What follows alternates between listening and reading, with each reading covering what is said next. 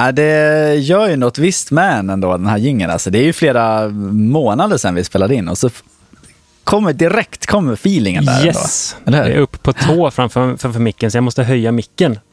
När, den kommer. Och så, ja. oh! Nu kör vi. Ungefär så.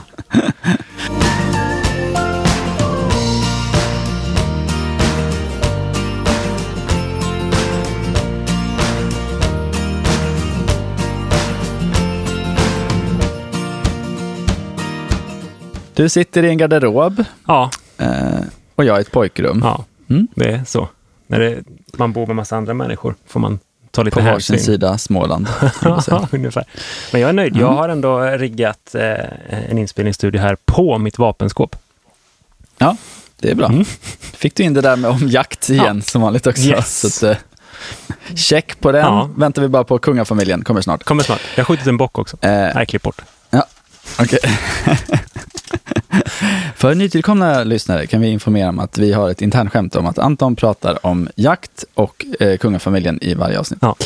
Så, eh, välkomna alla nytillkomna lyssnare och eh, ett stort välkomna tillbaks till alla trogna Trädpodden-lyssnare. Ja, men precis. Det kanske är så att du lyssnar för första gången på den här podden och det är ju extra kul. Eh, Det är Trädpodden helt enkelt och eh, min eminenta, excentriska och alltid lika laddade kollega Gustav Näslander.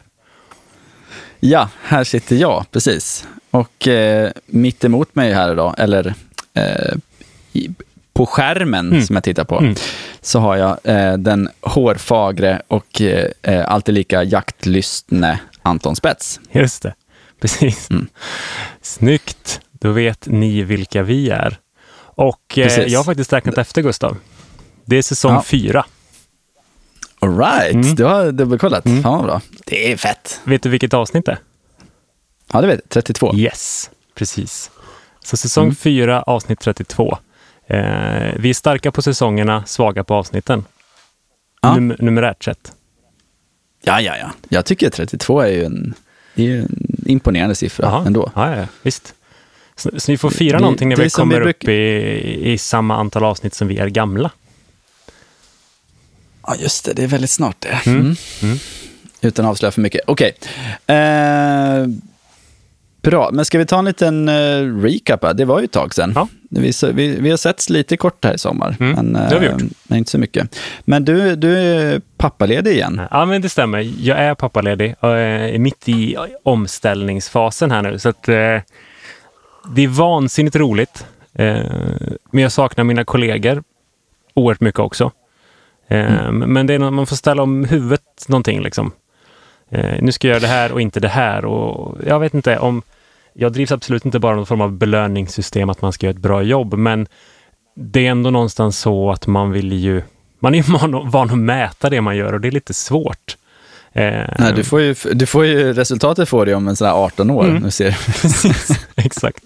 Och det är ju förhållandevis kort avkastningstid sett till att jag var att få resultat om 50 år då, Ja, precis. man planterar träd. Men eh, vem är stadsträdgårdsmästare i Borås nu då? Mm, nej, det är ingen som är det at the moment så, utan eh, jag har delegerat iväg lite uppgifter. Och så har jag en chef som steppar in. Så att, eh, som Mm. sagt, jag har grymma kollegor som kommer göra ett bättre jobb än vad jag gör. Så jag kommer kanske förlänga min pappaledighet. Nej, det kommer jag inte göra. Men nej, det, det är jag oerhört trygg med. Det, det är som sagt bara det att man, eh, man måste hitta switchen i huvudet. Nu ska jag göra det här. Men hur eh, kombinerar du pappaledigheten med, med det här trädnörderiet då på bästa sätt? Ja, Vi kanske inte har hunnit börja med än. Eh, Jo, på ett vis. Jag har en ambition om att eh, alltså, komma ut i natur med båda kidsen. Eh, Mm. Typ vandringsleder och sådana grejer. Eh, så där hoppas jag kunna ja, någonting. Men det är lite på... satta ambitioner. Vad sa du? Högt uppsatta ambitioner. Nej, jag vet inte, det gjorde jag ganska mycket förra gången med ett barn. Eh, Ja, jag var glad om jag lyckades ta mig till Coop. jag var hemma med två barn. Så det, ja. Ja, men det. Men du, nu har vi pratat nio minuter om din pappaledighet. Mm. Eh, ska du fråga något om mig också? Mm, gärna. Om jag får chansen. Vi vill tacka vår sponsor Stångby plantskola. Stångby vill tipsa om Plantskoledagen som i år, 2021, hålls den 10 september på Stångby. Plantskoledagen är en kunddag för branschaktiva med stort fokus på inspiration och fortbildning. Mer information hittar du på www.stangby.nu. Tack Stångby plantskola! Utan ert stöd hade vi inte kunnat göra Trädpodden. Men Gustav, det har ju svängt lite grann för dig också, eh, vad du gör på daglig basis. Du har eh, tagit klivet, får man väl kalla det. Sagt upp dig och startat Ja. eget. Ett språng, Ja. precis. Du, du ser Eh, inte lika stressad ut nu som när du gjorde när du, liksom, när du var on it och precis skulle ta beslutet. Det är häftigt tycker jag. Jag är, jag är imponerad ja, av dig. precis. Ja, men allt började ju med att jag slutade snusa. Okej. Eh, och sen, eh, sen händer det massa saker i huvudet tror jag då. Ja. Att man blir lite knäpp faktiskt. Ja. eh, Under en ganska lång period. Eh, så det, det var ju nästan ett infall. Nej, det ska jag inte säga. För att det var, jag har ändå tänkt på det under längre tid. Men, Mm. men eh, någonting i mig fick mig att våga och ta klivet. Så nu har jag startat eget. Nu är jag en, eh, en trädkonsult på 100 procent Yeah. kan man säga. Eh, Jag har ett företag som heter Trädkontoret AB. Mm. Och där kommer en jingel. Nej, vi har inte förhandlat än. nej, nej det, så, så, det, blir, det blir för grötigt Ja. om jag ska sponsra min egen podd. Men eh, eh, ja, som sagt, trädkonsult, så det är ju alltifrån trädplaner, trädinventeringar, Mm. eh, sitta med på byggmöten, eh, rådgöra i olika frågor, kanske göra värderingar och annat. Eh, sen så vill ju jag nischa mig, det ska man ändå göra. Så att min, min nisch är väl då lite det vi håller på med här, trädlobbyism, tänker jag. Ehm, alltså att, att föra trädens talan och kanske hjälpa eh, folk att få upp träd på agendan, Mm. Mm. tänker jag. Mm. Det har ju du varit väldigt duktig på i Borås. Alltså det, medierna skriver mycket om eh, träden. Därigenom, tror jag, får du med dig beslutsfattarna. Ja, du kanske får en liten fördel nästa gång du äskar pengar, om man säger så. Kanske. Eh, kanske. Mm. Eller så här, det, och- det är i alla fall en taktik. Eh, Jag menar, det du säger att du gör nu, det är ju egentligen saker du har gjort i så att säga, fack tidigare. Du har jobbat där, du har jobbat där. Du har varit inne Mm. och känt lite på en sak där, men sen fått gå tillbaka till Mm. något grundläge. Jag menar, du har ju samlat ihop allt gött och lagt i en god påse och så kör du det nu. Jag tycker det är klockrent. Ja, eh, så det blir jätteroligt och eh, skitläskigt såklart. Men eh, det ska nog gå vägen. Det, det får ni följa här i höst. Får höra vilket humör jag är på. Liksom. Nej, jag tror så här. När du säger så här, jag har börjat snusa igen. Jaha. Ja, precis. Då, är det, då vet man, aj, aj, aj, aj, aj. Det här gick inte bra. Jag håller Ja. mig till ingefära som det är nu. Ja. Nej men shit vad kul Gustav. Det är full lycka till och eh, jag vill gärna ha några instick i hur det går sen framöver. Ja, jag tjötar väl som vanligt om vad jag håller på med och gör. Så det, Mm. det ska ni nog få hänga med på. Ja men grymt, vad grymt. Ska Ja, vi hänge oss till dagens avsnitt då? ja men det tycker jag. Eh, vi har ju haft det som, eh, man får väl ändå säga det, tradition när vi drar igång en ny säsong att faktiskt köra en, en special på någonting. Mm. Eh, Det är ju det ni älskar mest, ni lyssnare. Vi börjar med en pleaser och sen så bara sjunker det. nej då, men, eh, nej, men det känns som en god start och också peppen är total. Så man vill snacka mycket och det gör vi ju väldigt ofta när vi har special. När jag spånade till det här så tänkte jag att vi skulle starta med att spela en nationalsång. Och så skulle folk få gissa. Ah, Och så var det så här, men ah. det är ju ingen som kan den, eller? Nej, och sen kom jag på, vi brukar också skriva vad avsnittet heter i bylinen. Ja. Så det hade varit ett riktigt självmål. Ehm, så att vi kör inte det, utan Nej. ja, vad ska vi snacka om Gustav? Vi ska prata om lönnsläktet. Yes. Eh, Alltså aser. Aser på latin. Exakt. Eh, många har eh, faktiskt önskat det här när jag snackat med folk också. Eh, bara yes, gött, det där kommer bli riktigt roligt. Och jag tror också att många kan någon enstaka lön, skulle jag säga. Så det finns Ja, ändå det någonting att ta på. Det är, liksom, det, är, det är ju det första trädet man lär sig nästan. Jag, jag tänker, lönn, jag förknippar det med dagis, som på min tid förskola heter idag. Mm. Eh, absolut. Mm. Det är ju liksom, då lär man sig kanske lönn och ek. Eh, och kanske björk. Mm. Men det, det är framförallt de här liksom, minnena är ju det här att man målar på blad och trycker dem på papper. Ja. Eh, eller gör den här populära lönnkronan, som Precis. säkert många av er har provat på. Exakt. Ja, men den är verkligen ett jättestarkt barndomsminne. Min mamma, får inte säga dagisfröken, eh, har varit eh, pedagog hela sin karriär och jobbar fortfarande. Och eh, då blir man ju, får man ju svart bälte i alla sådana där eh, dagisfröken-tricks. Så jag har gjort så Mm, sjukt många lönnkronor och älgbajshalsband och eh, sätta, lönn, eh, eh, sätta lönnfrö på näsan och sånt där. Men det är ju kul, för det är precis som du säger, det triggar ju eh, barndomsminnen som sitter väldigt, väldigt starkt. Ja, för jag, jag förknippar verkligen, alltså jag växte upp i Nyköping och eh, jag förknippar ju verkligen den här hösten i Nyköping, det förknippar med att pulsa runt i alm och framförallt lönnlövshögar. Jag minns så tydligt det här, liksom hur man helt orädd kastar sig i en, i en lövhög med Mm. ansiktet först nästan. Mm. Eh, jag var den typen av barn. Eh, och eh, det är en väldigt speciell doft Ja. i det där. Liksom, när en preci- förmultningen precis har påbörjats. Så det är en, en väldigt söt doft i de här blöta höstlöven. Och, ja, det kan jag verkligen förnimma. Mm. Ganska exakt hur det luft, eh, luktar. Ja. Eh, och just bladen där, alltså det är ju... Det känns ju som att de är, de är väldigt voluminösa. Det blir väldigt mycket volym av lönnblad. På något vis. Mm, absolut. Eh, Stora blad. Ja, stora blad och ganska mycket blad i en krona. Mycket bladvolym. Eller blad Ja, det blir stora träd också. Ja, men precis. I alla fall skogslönnen då. Det är väl det vi har. Ja, men Det precis. är ju det vi har förknippat med lönnkronor och lövhögar och så vidare. Exakt, exakt. I och med att han finns eh, väldigt högt upp i vårt land ändå, för att vara ett eh, lövträd. Ja, nu kommer vi osökt in på de här lite mer hårda faktorna. Vi pratat om eh, alla mjuka värden vi förknippar med lönnen. Mm. Eh, ni där ute som lyssnar förknippar säkert också lönnen med några mjuka värden. Ni får väl höra av er om ni vill eller lägga upp en bild. Ja. Tagga oss. Ja, absolut. Eh, men ja, eh, helt kort. Lönnen tillhör ju en familj, eh, som alla.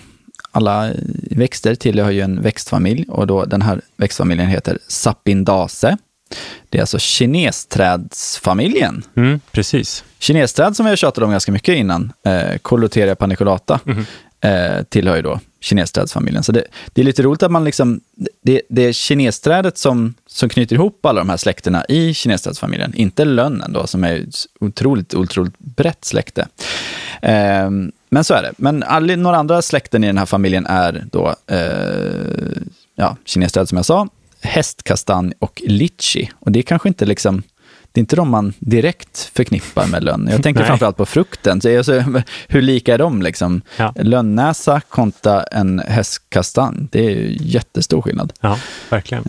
Ja, acer då, eh, det betyder översatt från latin skarp smak.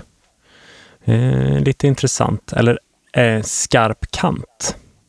Mhm. Eh, kan vara att eh, bladformen, det är alltså det är inga Ja, det. runda blad eh, generellt sett. Jag har inte koll på hur litchi, generellt sett.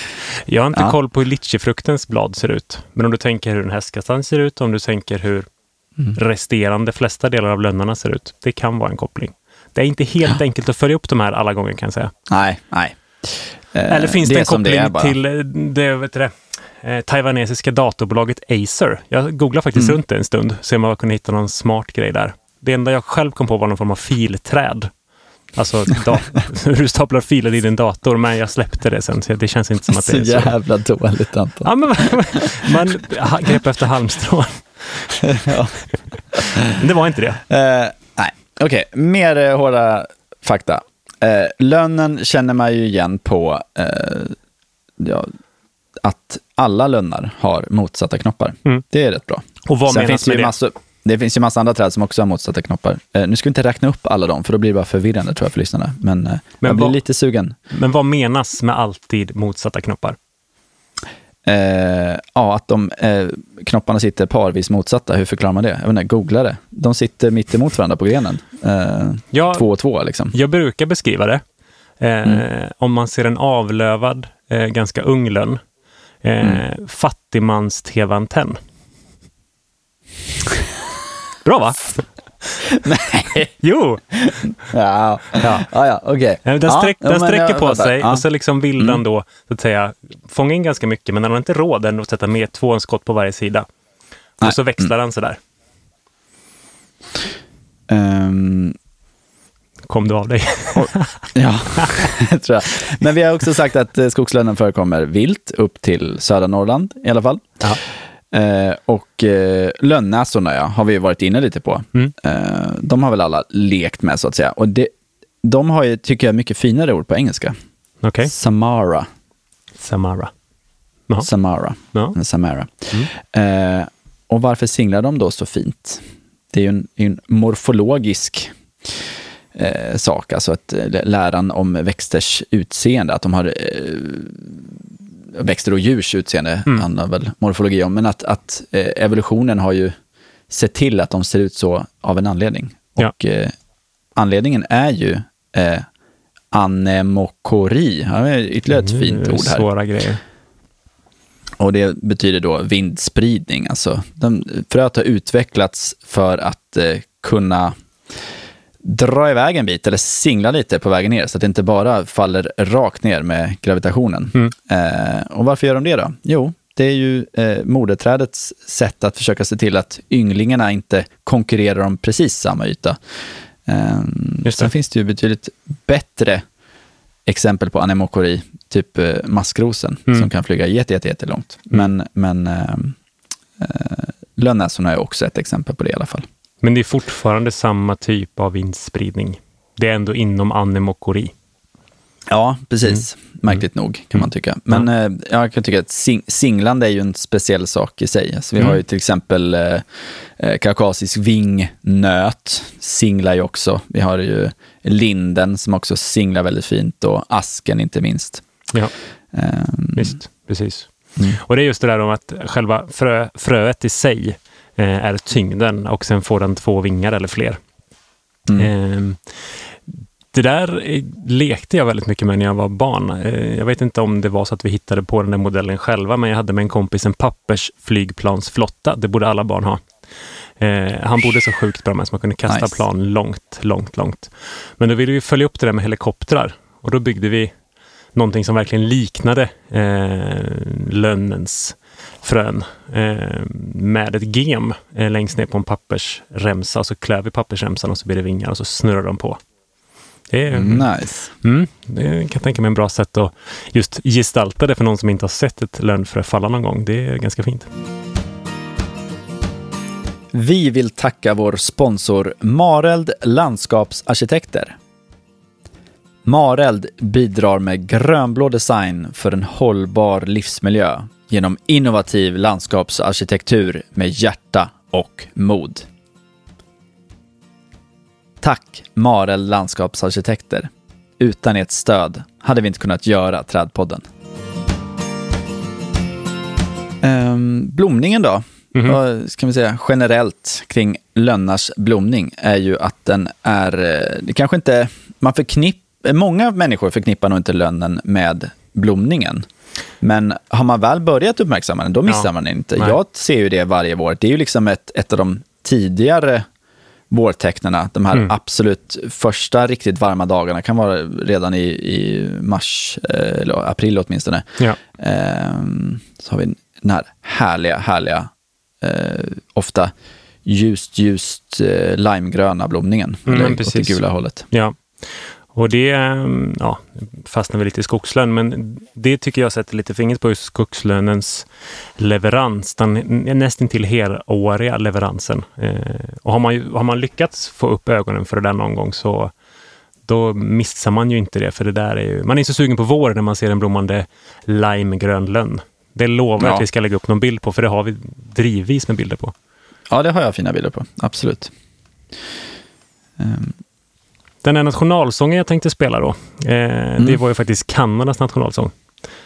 Eh, för att det finns ju ett lönnlöv på deras flagga. precis. Men det är inte vanlig skogslön. Nej, det är det inte. Nej. Men det har ju varit några fadäser genom åren där man har missat det där och satt Norwegian Maple.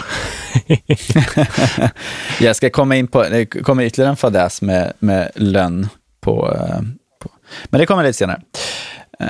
Men du, vad har man eh, virket till då? Du som kan det här med skog och sånt och håller på och täljer. Mm, ja, jag täljer inte så mycket i lönn, men eh, veden är ju ganska fin. Den är ganska ljus eh, och få skavanker i den. Så det går ju att få långa, sammanhängande, vackra, plana fiberstråk. Och faner mm. är ju till exempel väldigt populärt att plocka fram ur lönn. För er som inte vet vad faner är, så tänk att du tar en stock och så sätter du den i en eh, typ av eh, eh, du, du sätter alltså som att du svarvar, så du, det blir som en toapappersrulle helt enkelt. Så du bara snurrar av veden mm, i, i långa sammanhängande bitar, sen limmar ihop det där och då får du faner. Eh, jag har faktiskt sett ett... Eh, vi var på studiebesök i Lübeck och tittade på hyggesfritt skogsbruk för några år sedan. Då visar de väldigt stolt upp deras dyraste träd. För de säljer de här träden till möbelindustrin eh, per centimeter på höjden. Jäklar, okej. Okay. Ja. Så att, eh, han, han, visade en, eh, jag vill minnas till 9 procent att det var en skogslön. Eh, det mm. kan varit en psykomor, men jag tror inte det. Jag tror det var en skogslön. Så sa han att det här är det dyraste trädet. Det är värderat, då var det för fyra år sedan, till 75 000 euro. Det trädet. Så då höll han på, om man ville sälja det då så skulle han sälja det per centimeter. Typ den här möbeltillverkaren vill ha 200 centimeter, den vill ha 100 centimeter. Och den var en meter i diameter från bas, 20 meter upp. Vilket är helt crazy. Men det är värt, värdet klår ju nästan Alnarpsmodellen. Det är bra jobbat. Ja, ja verkligen. Och så, dessutom då så tillämpar de bara manuell huggning, alltså inga maskiner, utan du fraktade bara ute på de stora matargatorna med maskiner. I övrigt bara manuellt och häst och vagn. Så det, ja, det är coolt. Svårt mm. att tillämpa på andra ställen i världen, men det funkar där. Trädpodden tackar vår sponsor Bara Mineraler. Ett företag som står med båda fötterna på jorden i både tanke och handling. Bara Mineraler utvecklar produkter som är sprungna ur mark och mylla för att skapa levande och jordnära stadsrum.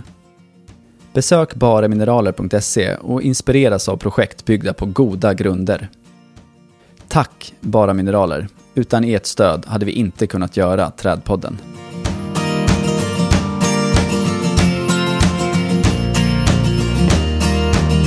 Okej, vad börjar vi med? Jo, vi kan börja med att fråga oss eh, vilka lönnarter är inhemska i Sverige? Mm. Eh, och så vitt jag vet så är det bara två lönnarter. Ja. Eh, första är ju given, det är den vanliga skogslönnen. Vi kommer komma till den alldeles strax.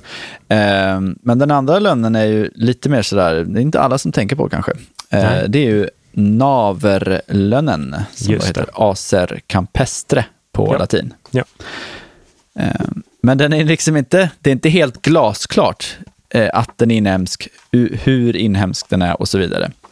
Eh, om man eh, söker lite på den på artfakta.se så, så eh, står det att den har påträffats på, eh, strax innan 1800 och det, det, det är då, då, då, räknas det som, som ett inhemskt träd. Eh, men det enda inhemska beståndet står i Svedala. Mm -hmm. inte mycket mer än ett par mil ifrån där jag sitter just nu faktiskt. Okej. Okay. Ja. Det är, då passar faktiskt campestre ganska bra, för det betyder eh, Trees of Fields and Open Plains. Mm.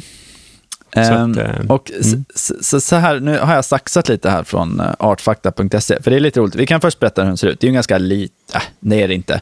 Uh, de får ganska små lönnblad mm. uh, som är lite, ja, ska man säga, fint flikade på ett fint sätt.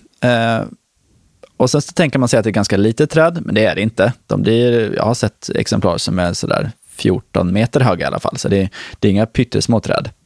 Eh, men blir väl sällan mer än 15 meter i alla fall, det har jag svårt att tro, om de inte står mm. väldigt, väldigt tätt bestånd i en skog. Mm. Så det var lite om hur de ser ut. Eh, men det roliga är då den här eh, fyndet av det. Alltså då, då står det här från på artfakta.se. Den första fynduppgiften om navellön i Sverige publicerades 1749 från Aggarp utanför Svedala i Skåne. Och det är också här som landets enda naturligt förekommande lokal finns. Det, det, är liksom, det, det, mm det, det är roligt att även om det finns navellunnar på massa ställen runt om i Sverige, så de är inte inhemska, det är bara de här vid Svedala som är det. Så på en vall mellan två åkrar vid södra Lindved utanför Svedala står fortfarande ett bestånd av arten kvar som anses vara en relik av tidigare rikare förekomster i denna trakt. Mhm. Det är väldigt roligt. Ja. Det är otroligt spännande. Så att, så att om vi nu ponerar att is, eh, under istiden så, så kom inlandsisen och trängde bort Navellönnen från, från hela Sverige, men den nådde inte hela vägen ner, eh, utan det, det var en liten, liten, liten bit kvar där, där det kunde vara kvar en del arter i, Ja. i södra Sverige. Som, alltså vi har ju till exempel eh, avenboken och så vidare. Just det. Och sen så drogs, drog den sig tillbaks. Men då Navellönnen bara, jag chillar i Svedala, ska ingenstans. Varför spred den sig inte? Det är Det är ju skitmärkligt. Ja. Hur kan den ha, bara ha varit kvar där i Oj. tiotusentals år? Det är Och så jag, märkligt. med svensk litteratur som är just verkligen sådär Svedala, Svedala, Svedala, pekar bara på ett Mm. bestånd. Inte bara det du har hittat det, utan hittat på andra ställen också. Det är lite märkligt. Ja, det är, ro, eh, det är roligt om inte annat. Ja. Eh, Ascampestre finns ju som eh, eh, e-planta. Det heter då Mm. frökälla Uppsala E. Sen finns det massa roliga former. Eh, green column och några andra. Eh, men, men den här e-plantan då är, är här i eh, zon 1 till 4. Men vi kommer till en annan rolig sak. Och det är då eh, Svedalas kommunvapen. Som inte ska förknippas med Svedalas logotyp. Jag skulle nästan ha ringt upp en person, men det har vi inte just nu. Men så här är det, det är ganska stor skillnad på de här. Och jag tycker det är lite roligt, så om man googlar bilder på dem, så tycker jag att det här gamla kommunvapnet, är det väldigt tydligt att det är naverlönn. Jag känner igen bladen. Mhm. På den nya loggan, då har de liksom snidat till dem lite. Det är som att någon, Aha. en grafisk designer har gjort dem lite mer, ja, det ska väl vara lättare, säkert bättre i tryck och så vidare, liksom tydligare kanter. Men det här tydliga navellönnheten har på ett sätt försvunnit. Ehm, Det är ju synd då att de inte har en känsla och snackat med kanske kommunbiologen. Ja, vi har det ena, enda inhemska beståndet. Det måste ju bli rätt. Ah, Mm. Ja, jag kan tycka ändå. Jag, eh, jag, jag skulle säga att... Eh, eh, jag vet inte vad det är.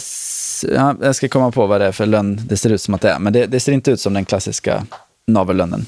Hmm. Sen vi- vill man vara riktigt, riktigt, riktigt botanisk av sig så finns det då två underarter, menar vissa botaniker. Mm. Och att då den vi köper från Europa, den som finns i handeln, eh, det är en underart och den, Mm. den här arten som står i Svedala är en annan.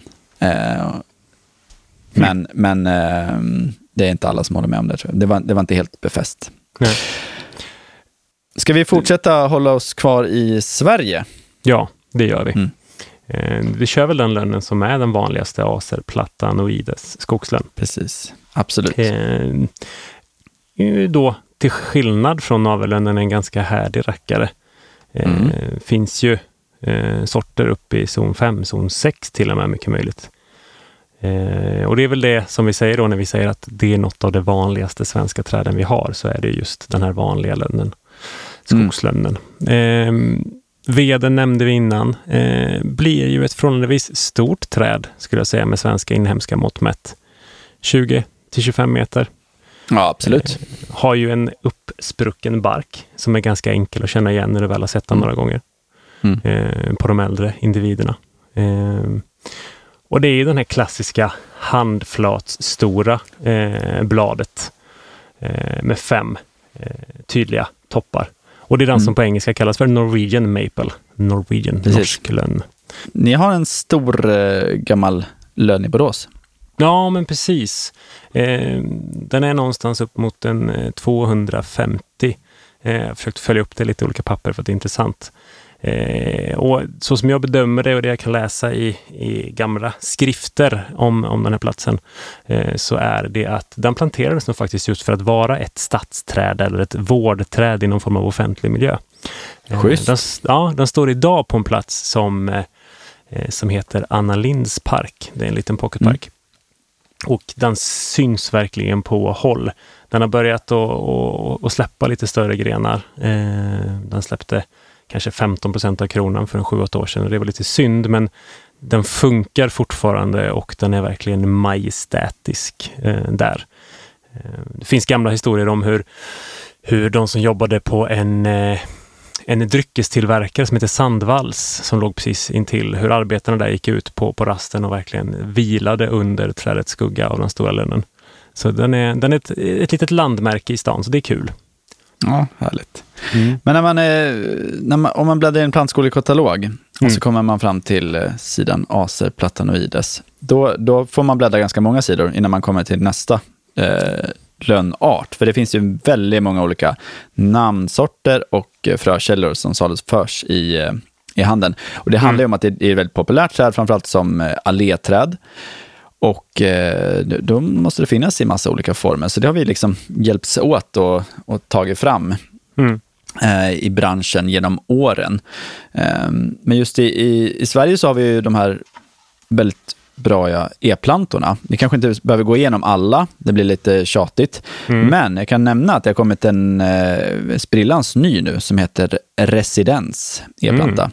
Det är då en, en frökälla från Umeå som är härdig upp till zon 5, kanske till och med zon 6. Eh, och samtidigt har du en väldigt, väldigt enhetlig, fin eh, eh,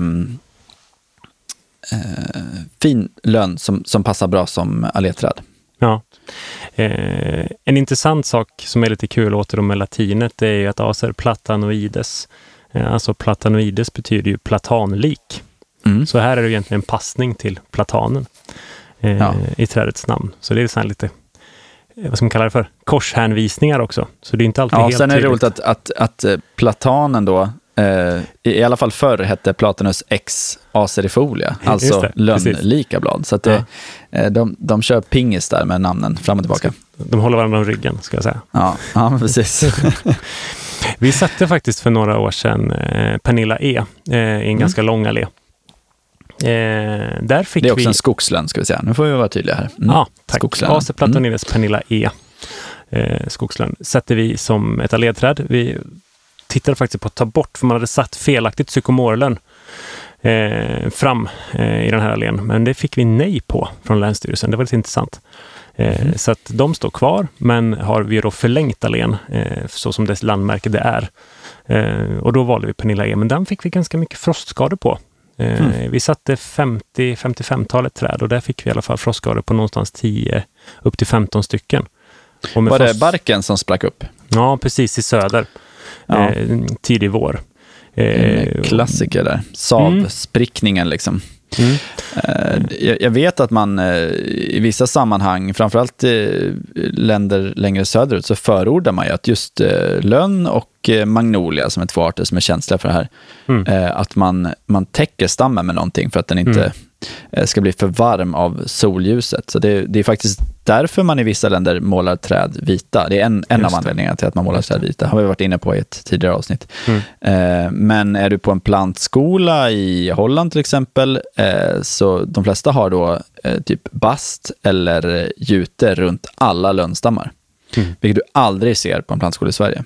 Nej, nej. Eh, och det kollar jag i alla fall i amerikansk litteratur så divideras det massor om det överhuvudtaget har någon effekt här. Så det, eh, mm. eh, man får ta det med en nypa salt. Jag tror inte att det är hela lösningen, liksom, utan det, det, är nog bättre att ha eh, väl anpassade frökällor.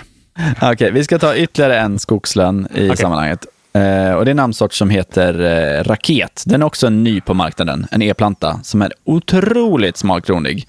Eh, och jag skulle närmast vilja jämföra den med, med um, pelarasp, alltså Populus mm. tremula erecta. Så smalkronig mm. är den. Det har dock nu nyligen framkommit lite, lite rolig trivia kring det här. Okay. Det är då som sagt en, en ny e-planta man upptäckte den på eh, Billbäcks plantskola för massa år sedan. Så hittade man en eh, i ett bestånd av skogslönnar hittade man en som var extremt smalkronig. Eh, och eh, jag tror det pratade vi om faktiskt i avsnitt eh, 27 med eh, Thomas Lagerström. Mm. Eh, nåväl. Och, eh, och den sa, men, men det här ska vi förädla på och testa och, och göra träd av och har då ordat vidare på den. Och nu blir den en e-planta och då skulle man registrera den. App, app, app, app, app kom det några eh, holländare då eh, mm -hmm. som tyckte att ja, men, eh, det här är ju det här är ju vårt träd. Den heter ju Maurits Upright.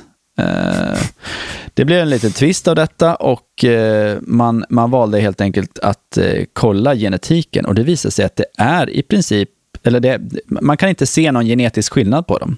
Nej. Eh, men då var det så att E-planta hade registrerat den här tidigare, före eh, holländarna lyckades göra det. Några veckor tidigare till och med. Det var, det var liksom ingen större skillnad. Vilket då betyder att Maurits Upright får sälja sig i eh, Europa, men eh, de ska betala royalties till eh, E-planta. Så det är lite roligt. det är intressant hur sådana här uppgörelser funkar i den här branschen. Ja, precis. Det är när man ser det PBR bakom, eh, mm. Plant Breeders Rights. Då vet man Just att det är sånt där på gång. Mm. Så det är lite roligt i alla fall. Vi går vidare till någonting betydligt mycket mindre, tänkte jag nu. Ja. Eh, för det här tror jag också är någonting som kommer då i nästa steg när man har, eh, jag tänker att man har byggt sig ett nytt hus eller man har köpt sig ett hus och man vill komma igång med sin tomt. Ja. Och så besöker man ett garden center. Och så faller man pladask för divan i det här släktet. Vad tänker jag på då? Mm. Ja, då tänker du på eh, eh Acer Palmatum. Jajamän. Eh, palmatum står för handflata i det här fallet. Då. Mm. Mm. Så då finns det en koppling till det, men det skulle jag nästan vilken lönn som helst kunna heta, höll jag på att säga. Eh, men eh, det är ju en japansk lönn. Mm. Eh, med väldigt, väldigt blad, eh, djupa bladflikar. Eh, ofta rödbladig, men här finns ju så många olika varianter och förädlingar som man blir lite trött. Eh, ja, det är nästan sätt. som att ge sig in i pionträsket. Alltså det ja. finns så ofantligt många. Så det, ja. det, ja. Förlåt, det ska vi inte ge oss på att rabbla upp. Eh, nej, nu är jag Negge här, men återigen, här har jag varit och pillat och eh, domesticerat hejvilt. Jag kan tycka att håll det till lite ädla saker. Eller liksom, låt, låt någonting vara naturligt. Men i alla fall. Ja. Men, eh, men alltså den, den vilda sorten, Acer palmatum, får ju fantastiska höstfärger. Så det är ju, ja. det, är det, det, är det man, den har liksom uppmärksammats för och sen har man börjat förädla. Precis, ja, men exakt. Men återigen, du kliver in på gardecentret och det är så otroligt lätt att falla för den där, för den är ju jättevacker där den saluförs, mm. gärna ihop med lite eh, i någon form av krattad grusgång, då lite snygga gräs runt omkring och så flörtar man lite med, med en japansk trädgård.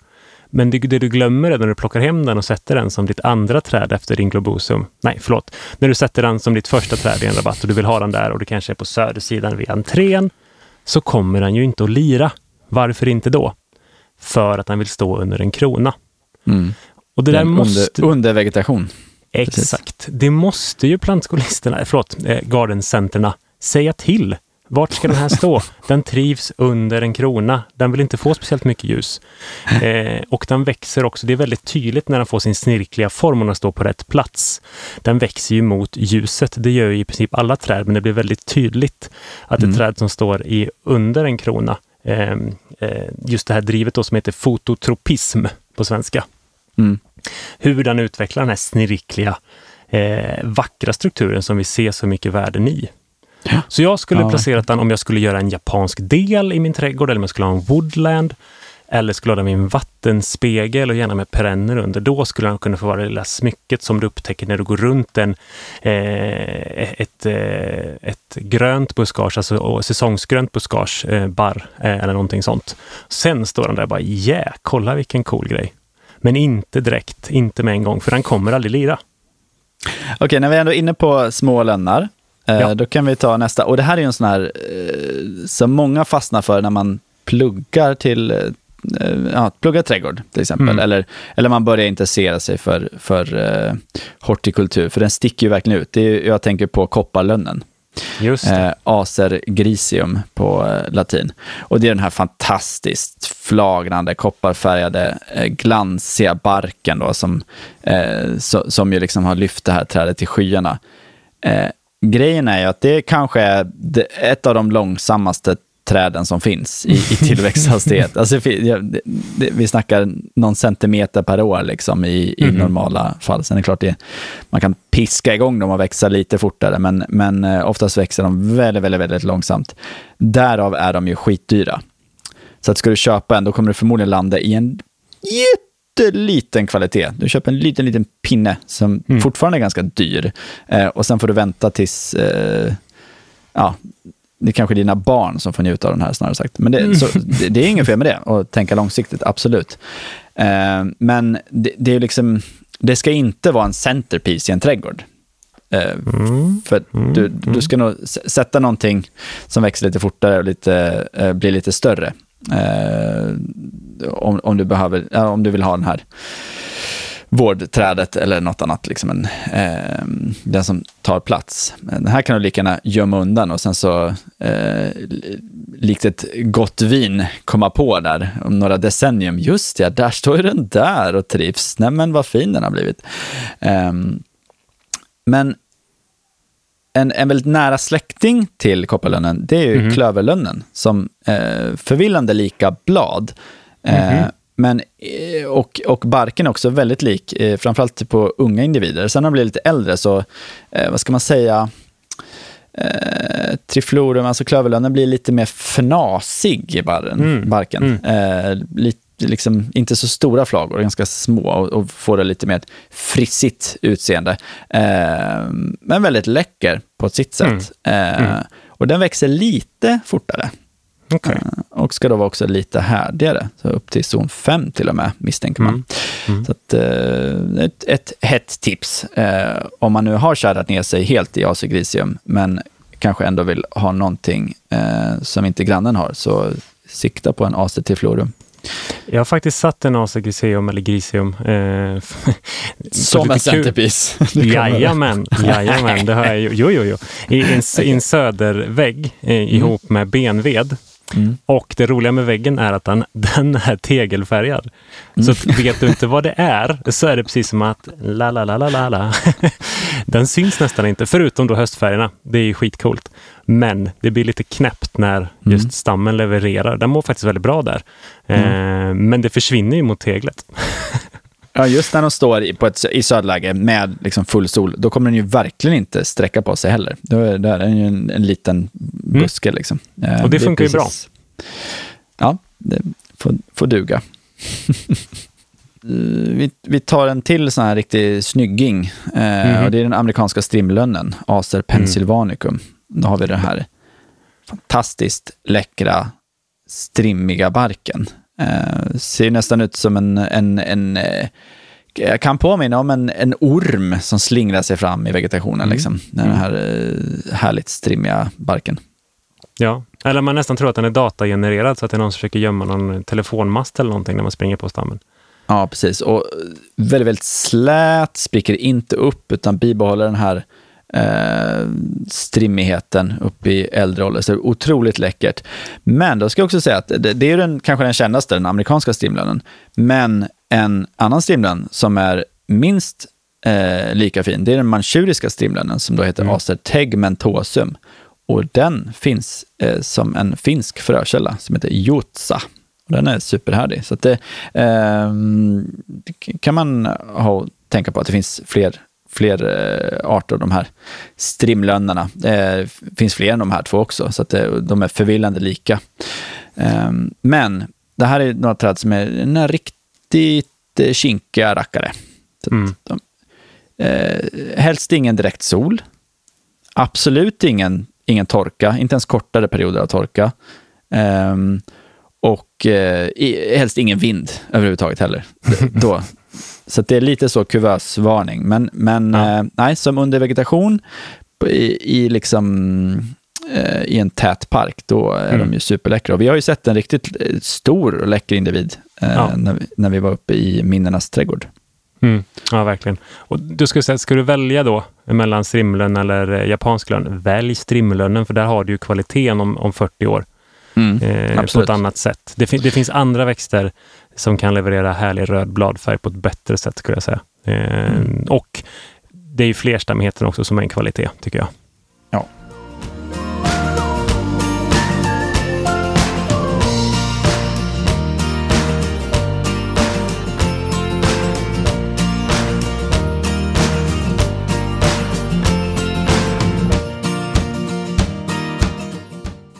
Yes, eh, det finns ju en lönn som är på gärdsgården ändå att kallas för inhemsk skulle jag säga. Eh, den ja, är ändå absolut. Eh, väldigt, väldigt vanlig.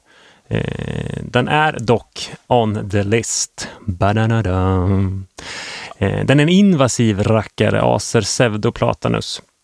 Tysklönnen.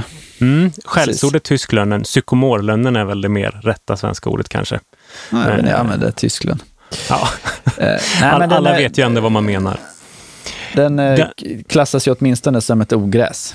Mm, japp, Mm. yes, absolut. Men Eh. grejen är, jag, alltså, eh, ett oförtjänt dåligt rykte, för alltså Mm. en stor tysklön Ja, ja, ja. är ju något otroligt läckert. Alltså Mm. den här flagnande barken, pseudoplatanus, betyder ju att den verkligen, alltså en eh, falsk platan, den Mm. liknar platan väldigt mycket och det, det är ju den här flagnande barken man tänker på då. Mm. Eh, dessutom så är den ju Ja, troligen, det- troligen den bästa lönnen för, för liksom hårdgjort eh, eh, stadsklimat. Det, den fixar ju verkligen här i riktigt extrema situationer. Ja, Så ja. att, eh, mm, lite oförtjänt eh, dåligt rykte. Men, eh, men däremot så kan man ju inte sticka under stäv med att den har tagit sig ut i våra skogar. Nej, precis, exakt. Eh, och det är ju ett problem. Så att, eh, men det, det är en svårare rackare att börja med att utrota. Eh, Ja, men när, när vi pratade med Henrik Sjöman och så skulle han rabbla upp vilka ja, träd som var inhemska i Sverige, då tog han ju Ja. med tysklönen för att Mm. den, hade ju, den hade ju ändå lyckats ta sig hit, Ja, även men om det exakt. inte var för människan. Mm. Nej, nej. Ehm, Den, den finns ju på andra sidan Öresund. Liksom. Ska vi fortsätta på snygg bark? Har du något mer, Gustav? Ja, det finns ju mycket mer. Ehm, Men jag kan ju då hoppa till eh, silverlönnen till exempel. Acer saccharinum. Eh, En, en nordamerikan. eh, Som den mest kända sorten är ju Laciniatum vieri, som då är en lite mer flikbladig variant. Men jag kan tycka att rena arten är väldigt snygg också. Mm. Finns till exempel på Sevedsplan i Malmö. Och här har vi en väldigt läcker bark. Eh, den påminner nästan om sån här eh, hickory, alltså Caria ovata. Den är ver- verkligen flagnar i, i stora, långa remsor. Eh, så att, eh, väldigt läckert, fast på ett helt annat sätt än, än de här andra härliga stammarna vi pratat om innan. Och då sa jag, ja just det, silverlönen heter Acer saccharinum. Eh, Just det. inte att blanda ihop med Acer saccharum, som då är Ja, precis. Och på svenska då sockerlönn. Nu är Precis. väl den i princip omöjlig att få eh, att växa bra här i Sverige. Det kanske finns enstaka rackare någonstans. Ja, det finns några i Malmö. Ja, ja. Men Acer saccharum, det är den då som sitter på Kanadas flagga. Och eh, den är ju ett, ett riktigt industriträd om du Mm. kommer till eh, amerikanska västkusten upp i Kanada. För det är ju den som på våren levererar sav till lönnsirap. Och det är faktiskt en smak som faktiskt inte fullt ut, säger man i alla fall, går att återskapa på kemiskt vis. Det är lite intressant. Och det Eh, är så- otroligt läckert. Eh, Ja, ja. Jag vet att det, eh, den godaste lönnsirpen jag har, druckit, höll jag på att säga, men ja, nästan. Eh, det är som, i Kanada kan man köpa på konservburk, och så liksom Ah. slår man ett hål i den och bara kluck, och så får den här härliga kluck, kluck, kluck, kluck, kluck, kluck, kluck, kluck, kluck, kluck, kluck, när man häller över pannkakorna. Oj, oj, oj, så Ja, läckert. Ja. Mm. Jag, jag har ett minne från den när eh, vi var i Kalifornien och fick feelingen imorgon att vi ska gå och käka pannkakor till frukost. Mm. Eh, så vi tog bil och sen hittade vi en ett, eh, typ av naturreservat och så kan jag tänka att det var en sån här eh, knatte, fnatte och chattestuga. Vad var de Mm. med i? De var ju inte ja, scouter, eh, är ju de. Eh, den låg högst upp på en kulle Eh, Mm. Och så gick vi dit, men vi hade dels missbedömt avståndet med bil och missbedömt avståndet att gå. Så vi högg in där på våran frukost halv tolv. Jag är inte så känslig för sånt, eh, men mina, mina vänner som jag hade med, några av dem tyckte det var skitjobbigt. Men i alla fall, vi kommer upp, vi får de här pannkakorna smackade upp på ståltallrikar. Eh, det är rejäla amerikanska pannkakor. Och sen får vi också en fem liters dunk i handen. Ja, tack. Ja, ni måste ha sirap. Ja, ja, visst, schysst. Ta med den till bordet. Vi får alltså en dunk av fem liter på fyra pers. Och sen medan vi käkar våra fem pannkakor i trav så Mm. kommer de nog fråga en gång per pannkaka, you're good? Och så pekar de ifall vi var mer lönnsirap. det är helt sjukt.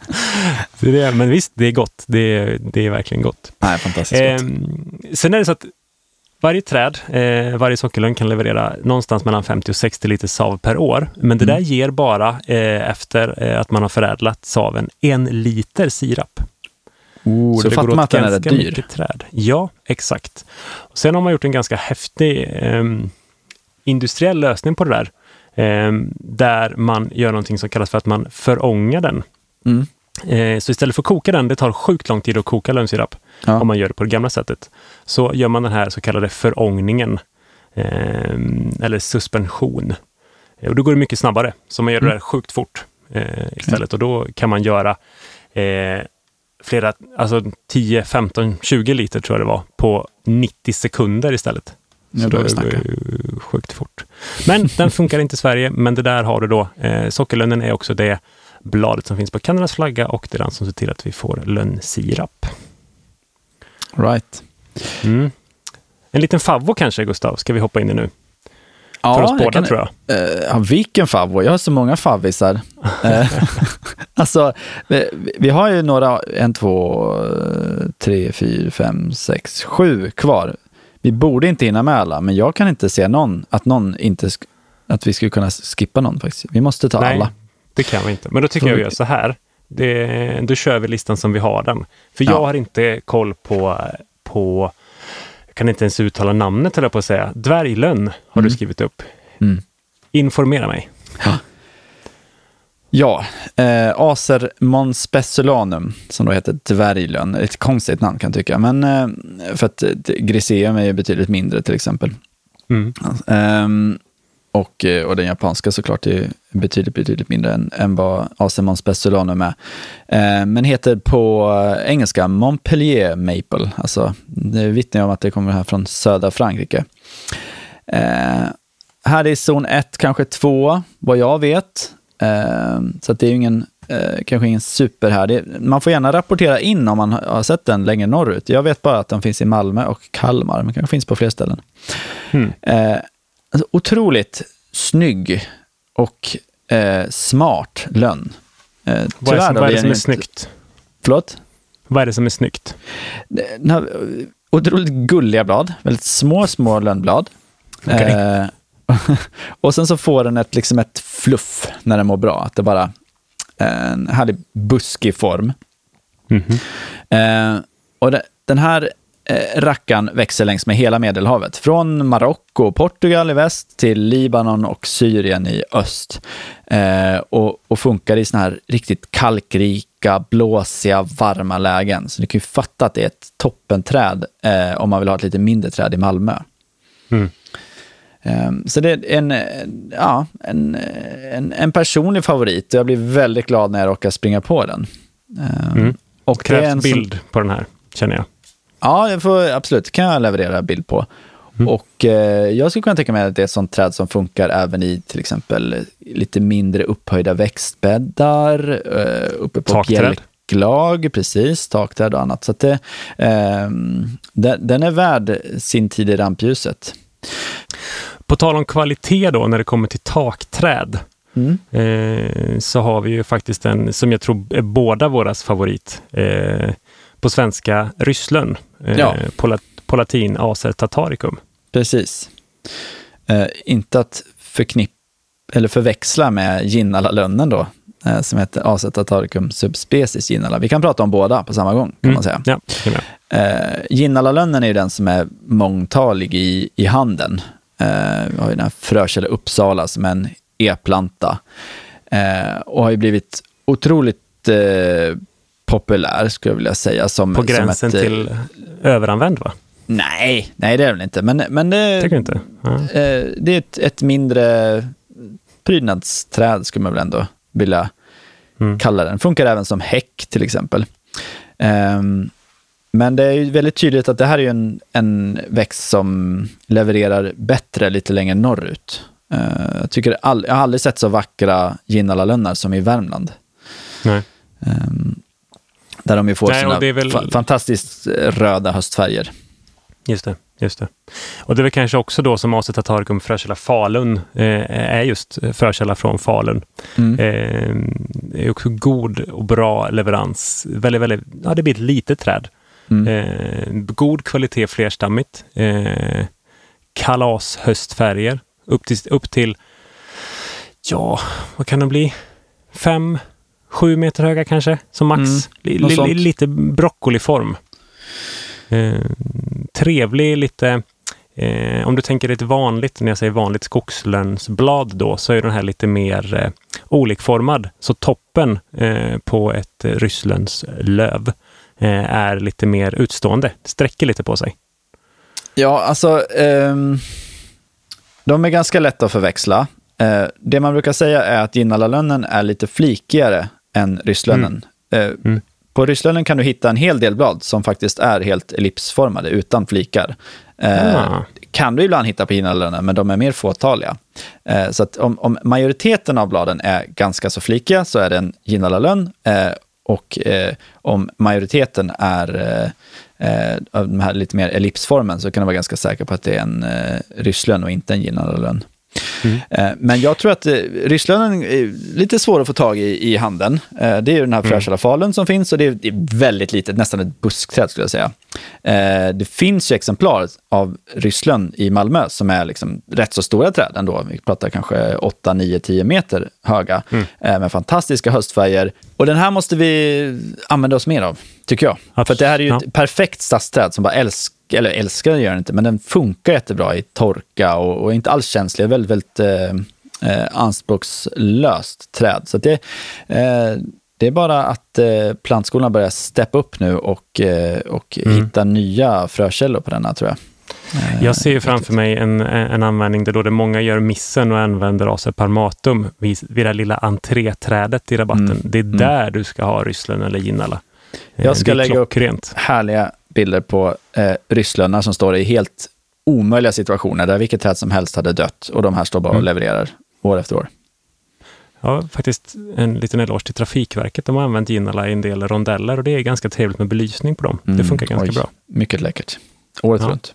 Ja, nice. En sista grej där också. Där faktiskt, I detta fallet så är det faktiskt det svenska namnet på Acer tataricum ganska bra, Ryssland. För tataricum betyder, det är en hänvisning till en geografisk plats och det är Krimhalvön Jaha, som det hänvisar till. i Ukraina. Eh, ja, Eller precis. Ryssland. Mellan, ja, numera Ryssland då. Det beror på vem du frågar. Ja. Eh, men det är det som menas med tataricum. Mm. Så det finns i andra växtnamn också. Eh, Där ser man. Mm. Japp. All right. Eh, vi hoppar vidare till en av mina favoriter. Jag vet att det här är din favorit också, Gustav. Men Acer Fremani Autumn Blaze. Yes. Eh, där har vi leverans på, på hög nivå. Fremani-lönn på svenska. Mm. Eh, ja, du kan ju nästan lista ut av Autumn Blaze vad det är du får när du köper någonting som heter det. Grymma höstfärger. Precis. Och det är en hybrid eh, mellan saccharinum och rubrum. Och det man har Precis. fått fram i kvaliteten där då, det är att du har någonting som är ganska torktåligt. Ja, det, jag har sett lite olika stresstester på den här rackaren och den, den, det är verkligen den av, av rödlönnarna, ska man säga, som, som klarar sig bäst, eh, vad jag vet, i, i riktigt tuffa miljöer. Ehm, Svår att få tag i dock, så du får vara ganska gå, gå ut i god tid om du ska ja, planera och in inte för att den många. inte odlas, utan för att den har blivit så otroligt populär. Det blir lätt Ja. så när det är ett träd som bara råkar ha allt. Eh, Ja. Ett torktåligt, eh, formstarkt, eh, härliga höstfärger. Ja, det perfekta stadsträdet. Då börjar de sälja slut ganska snart.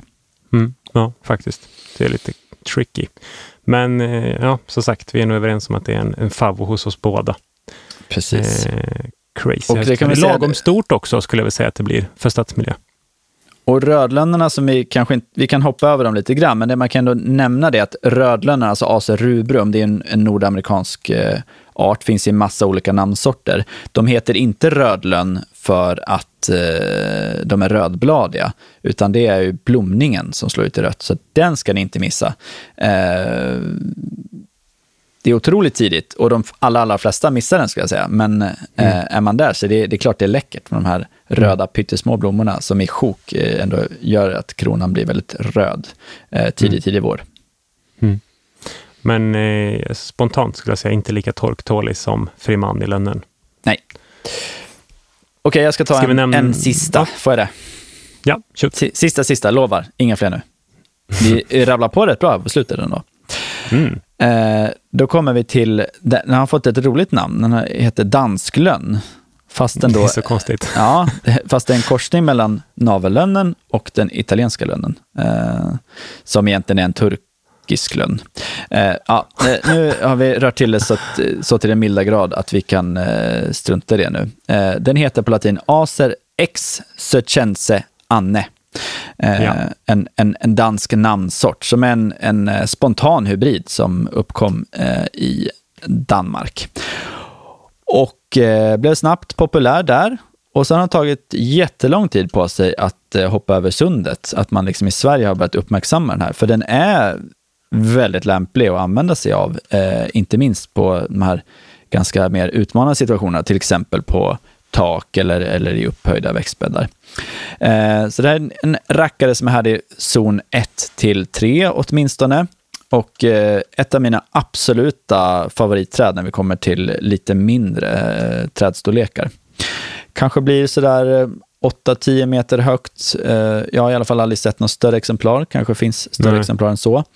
Eh, men eh, den största kvaliteten eh, är att det är en väldigt, väldigt eh, färgglad lönn. Ehm, även sommartid, så har de ganska djupt gröna blad, väldigt mörkt gröna, men bladskälkarna är alldeles knallröda. Så det, det finns liksom en, ett eh, trevligt färgspel i kronan. Eh, blir naturligt väldigt buskig och flerstammig, det ska man ha med sig. Eh, inte jättesnygg som högstam, utan man ska låta den här vara en, en flerstammig individ, skulle jag säga. Eh, men, men e- ett av de bättre träden att använda på bjälklag, absolut. Jag kanske kan känga till någon här, men jag tycker det är lite tråkigt namn. Vi hittar en korsning eh, i Danmark. Vi tar den till Sverige. Bara, ja, dansklön. Va? Ja, precis. Det tror tro, tro, sjutton att han inte säljer. Kom igen. Branding. Ja, någonting med rött vin kunde ha fått heta. Något sånt här Ja, är Sangiovese det någon- eller något. eh, Ja, jag- för jag tänker på de här bladskälkarna. De är fantastiska. Ja, eller om det finns någon dansk operadiva så skulle den döps efter den.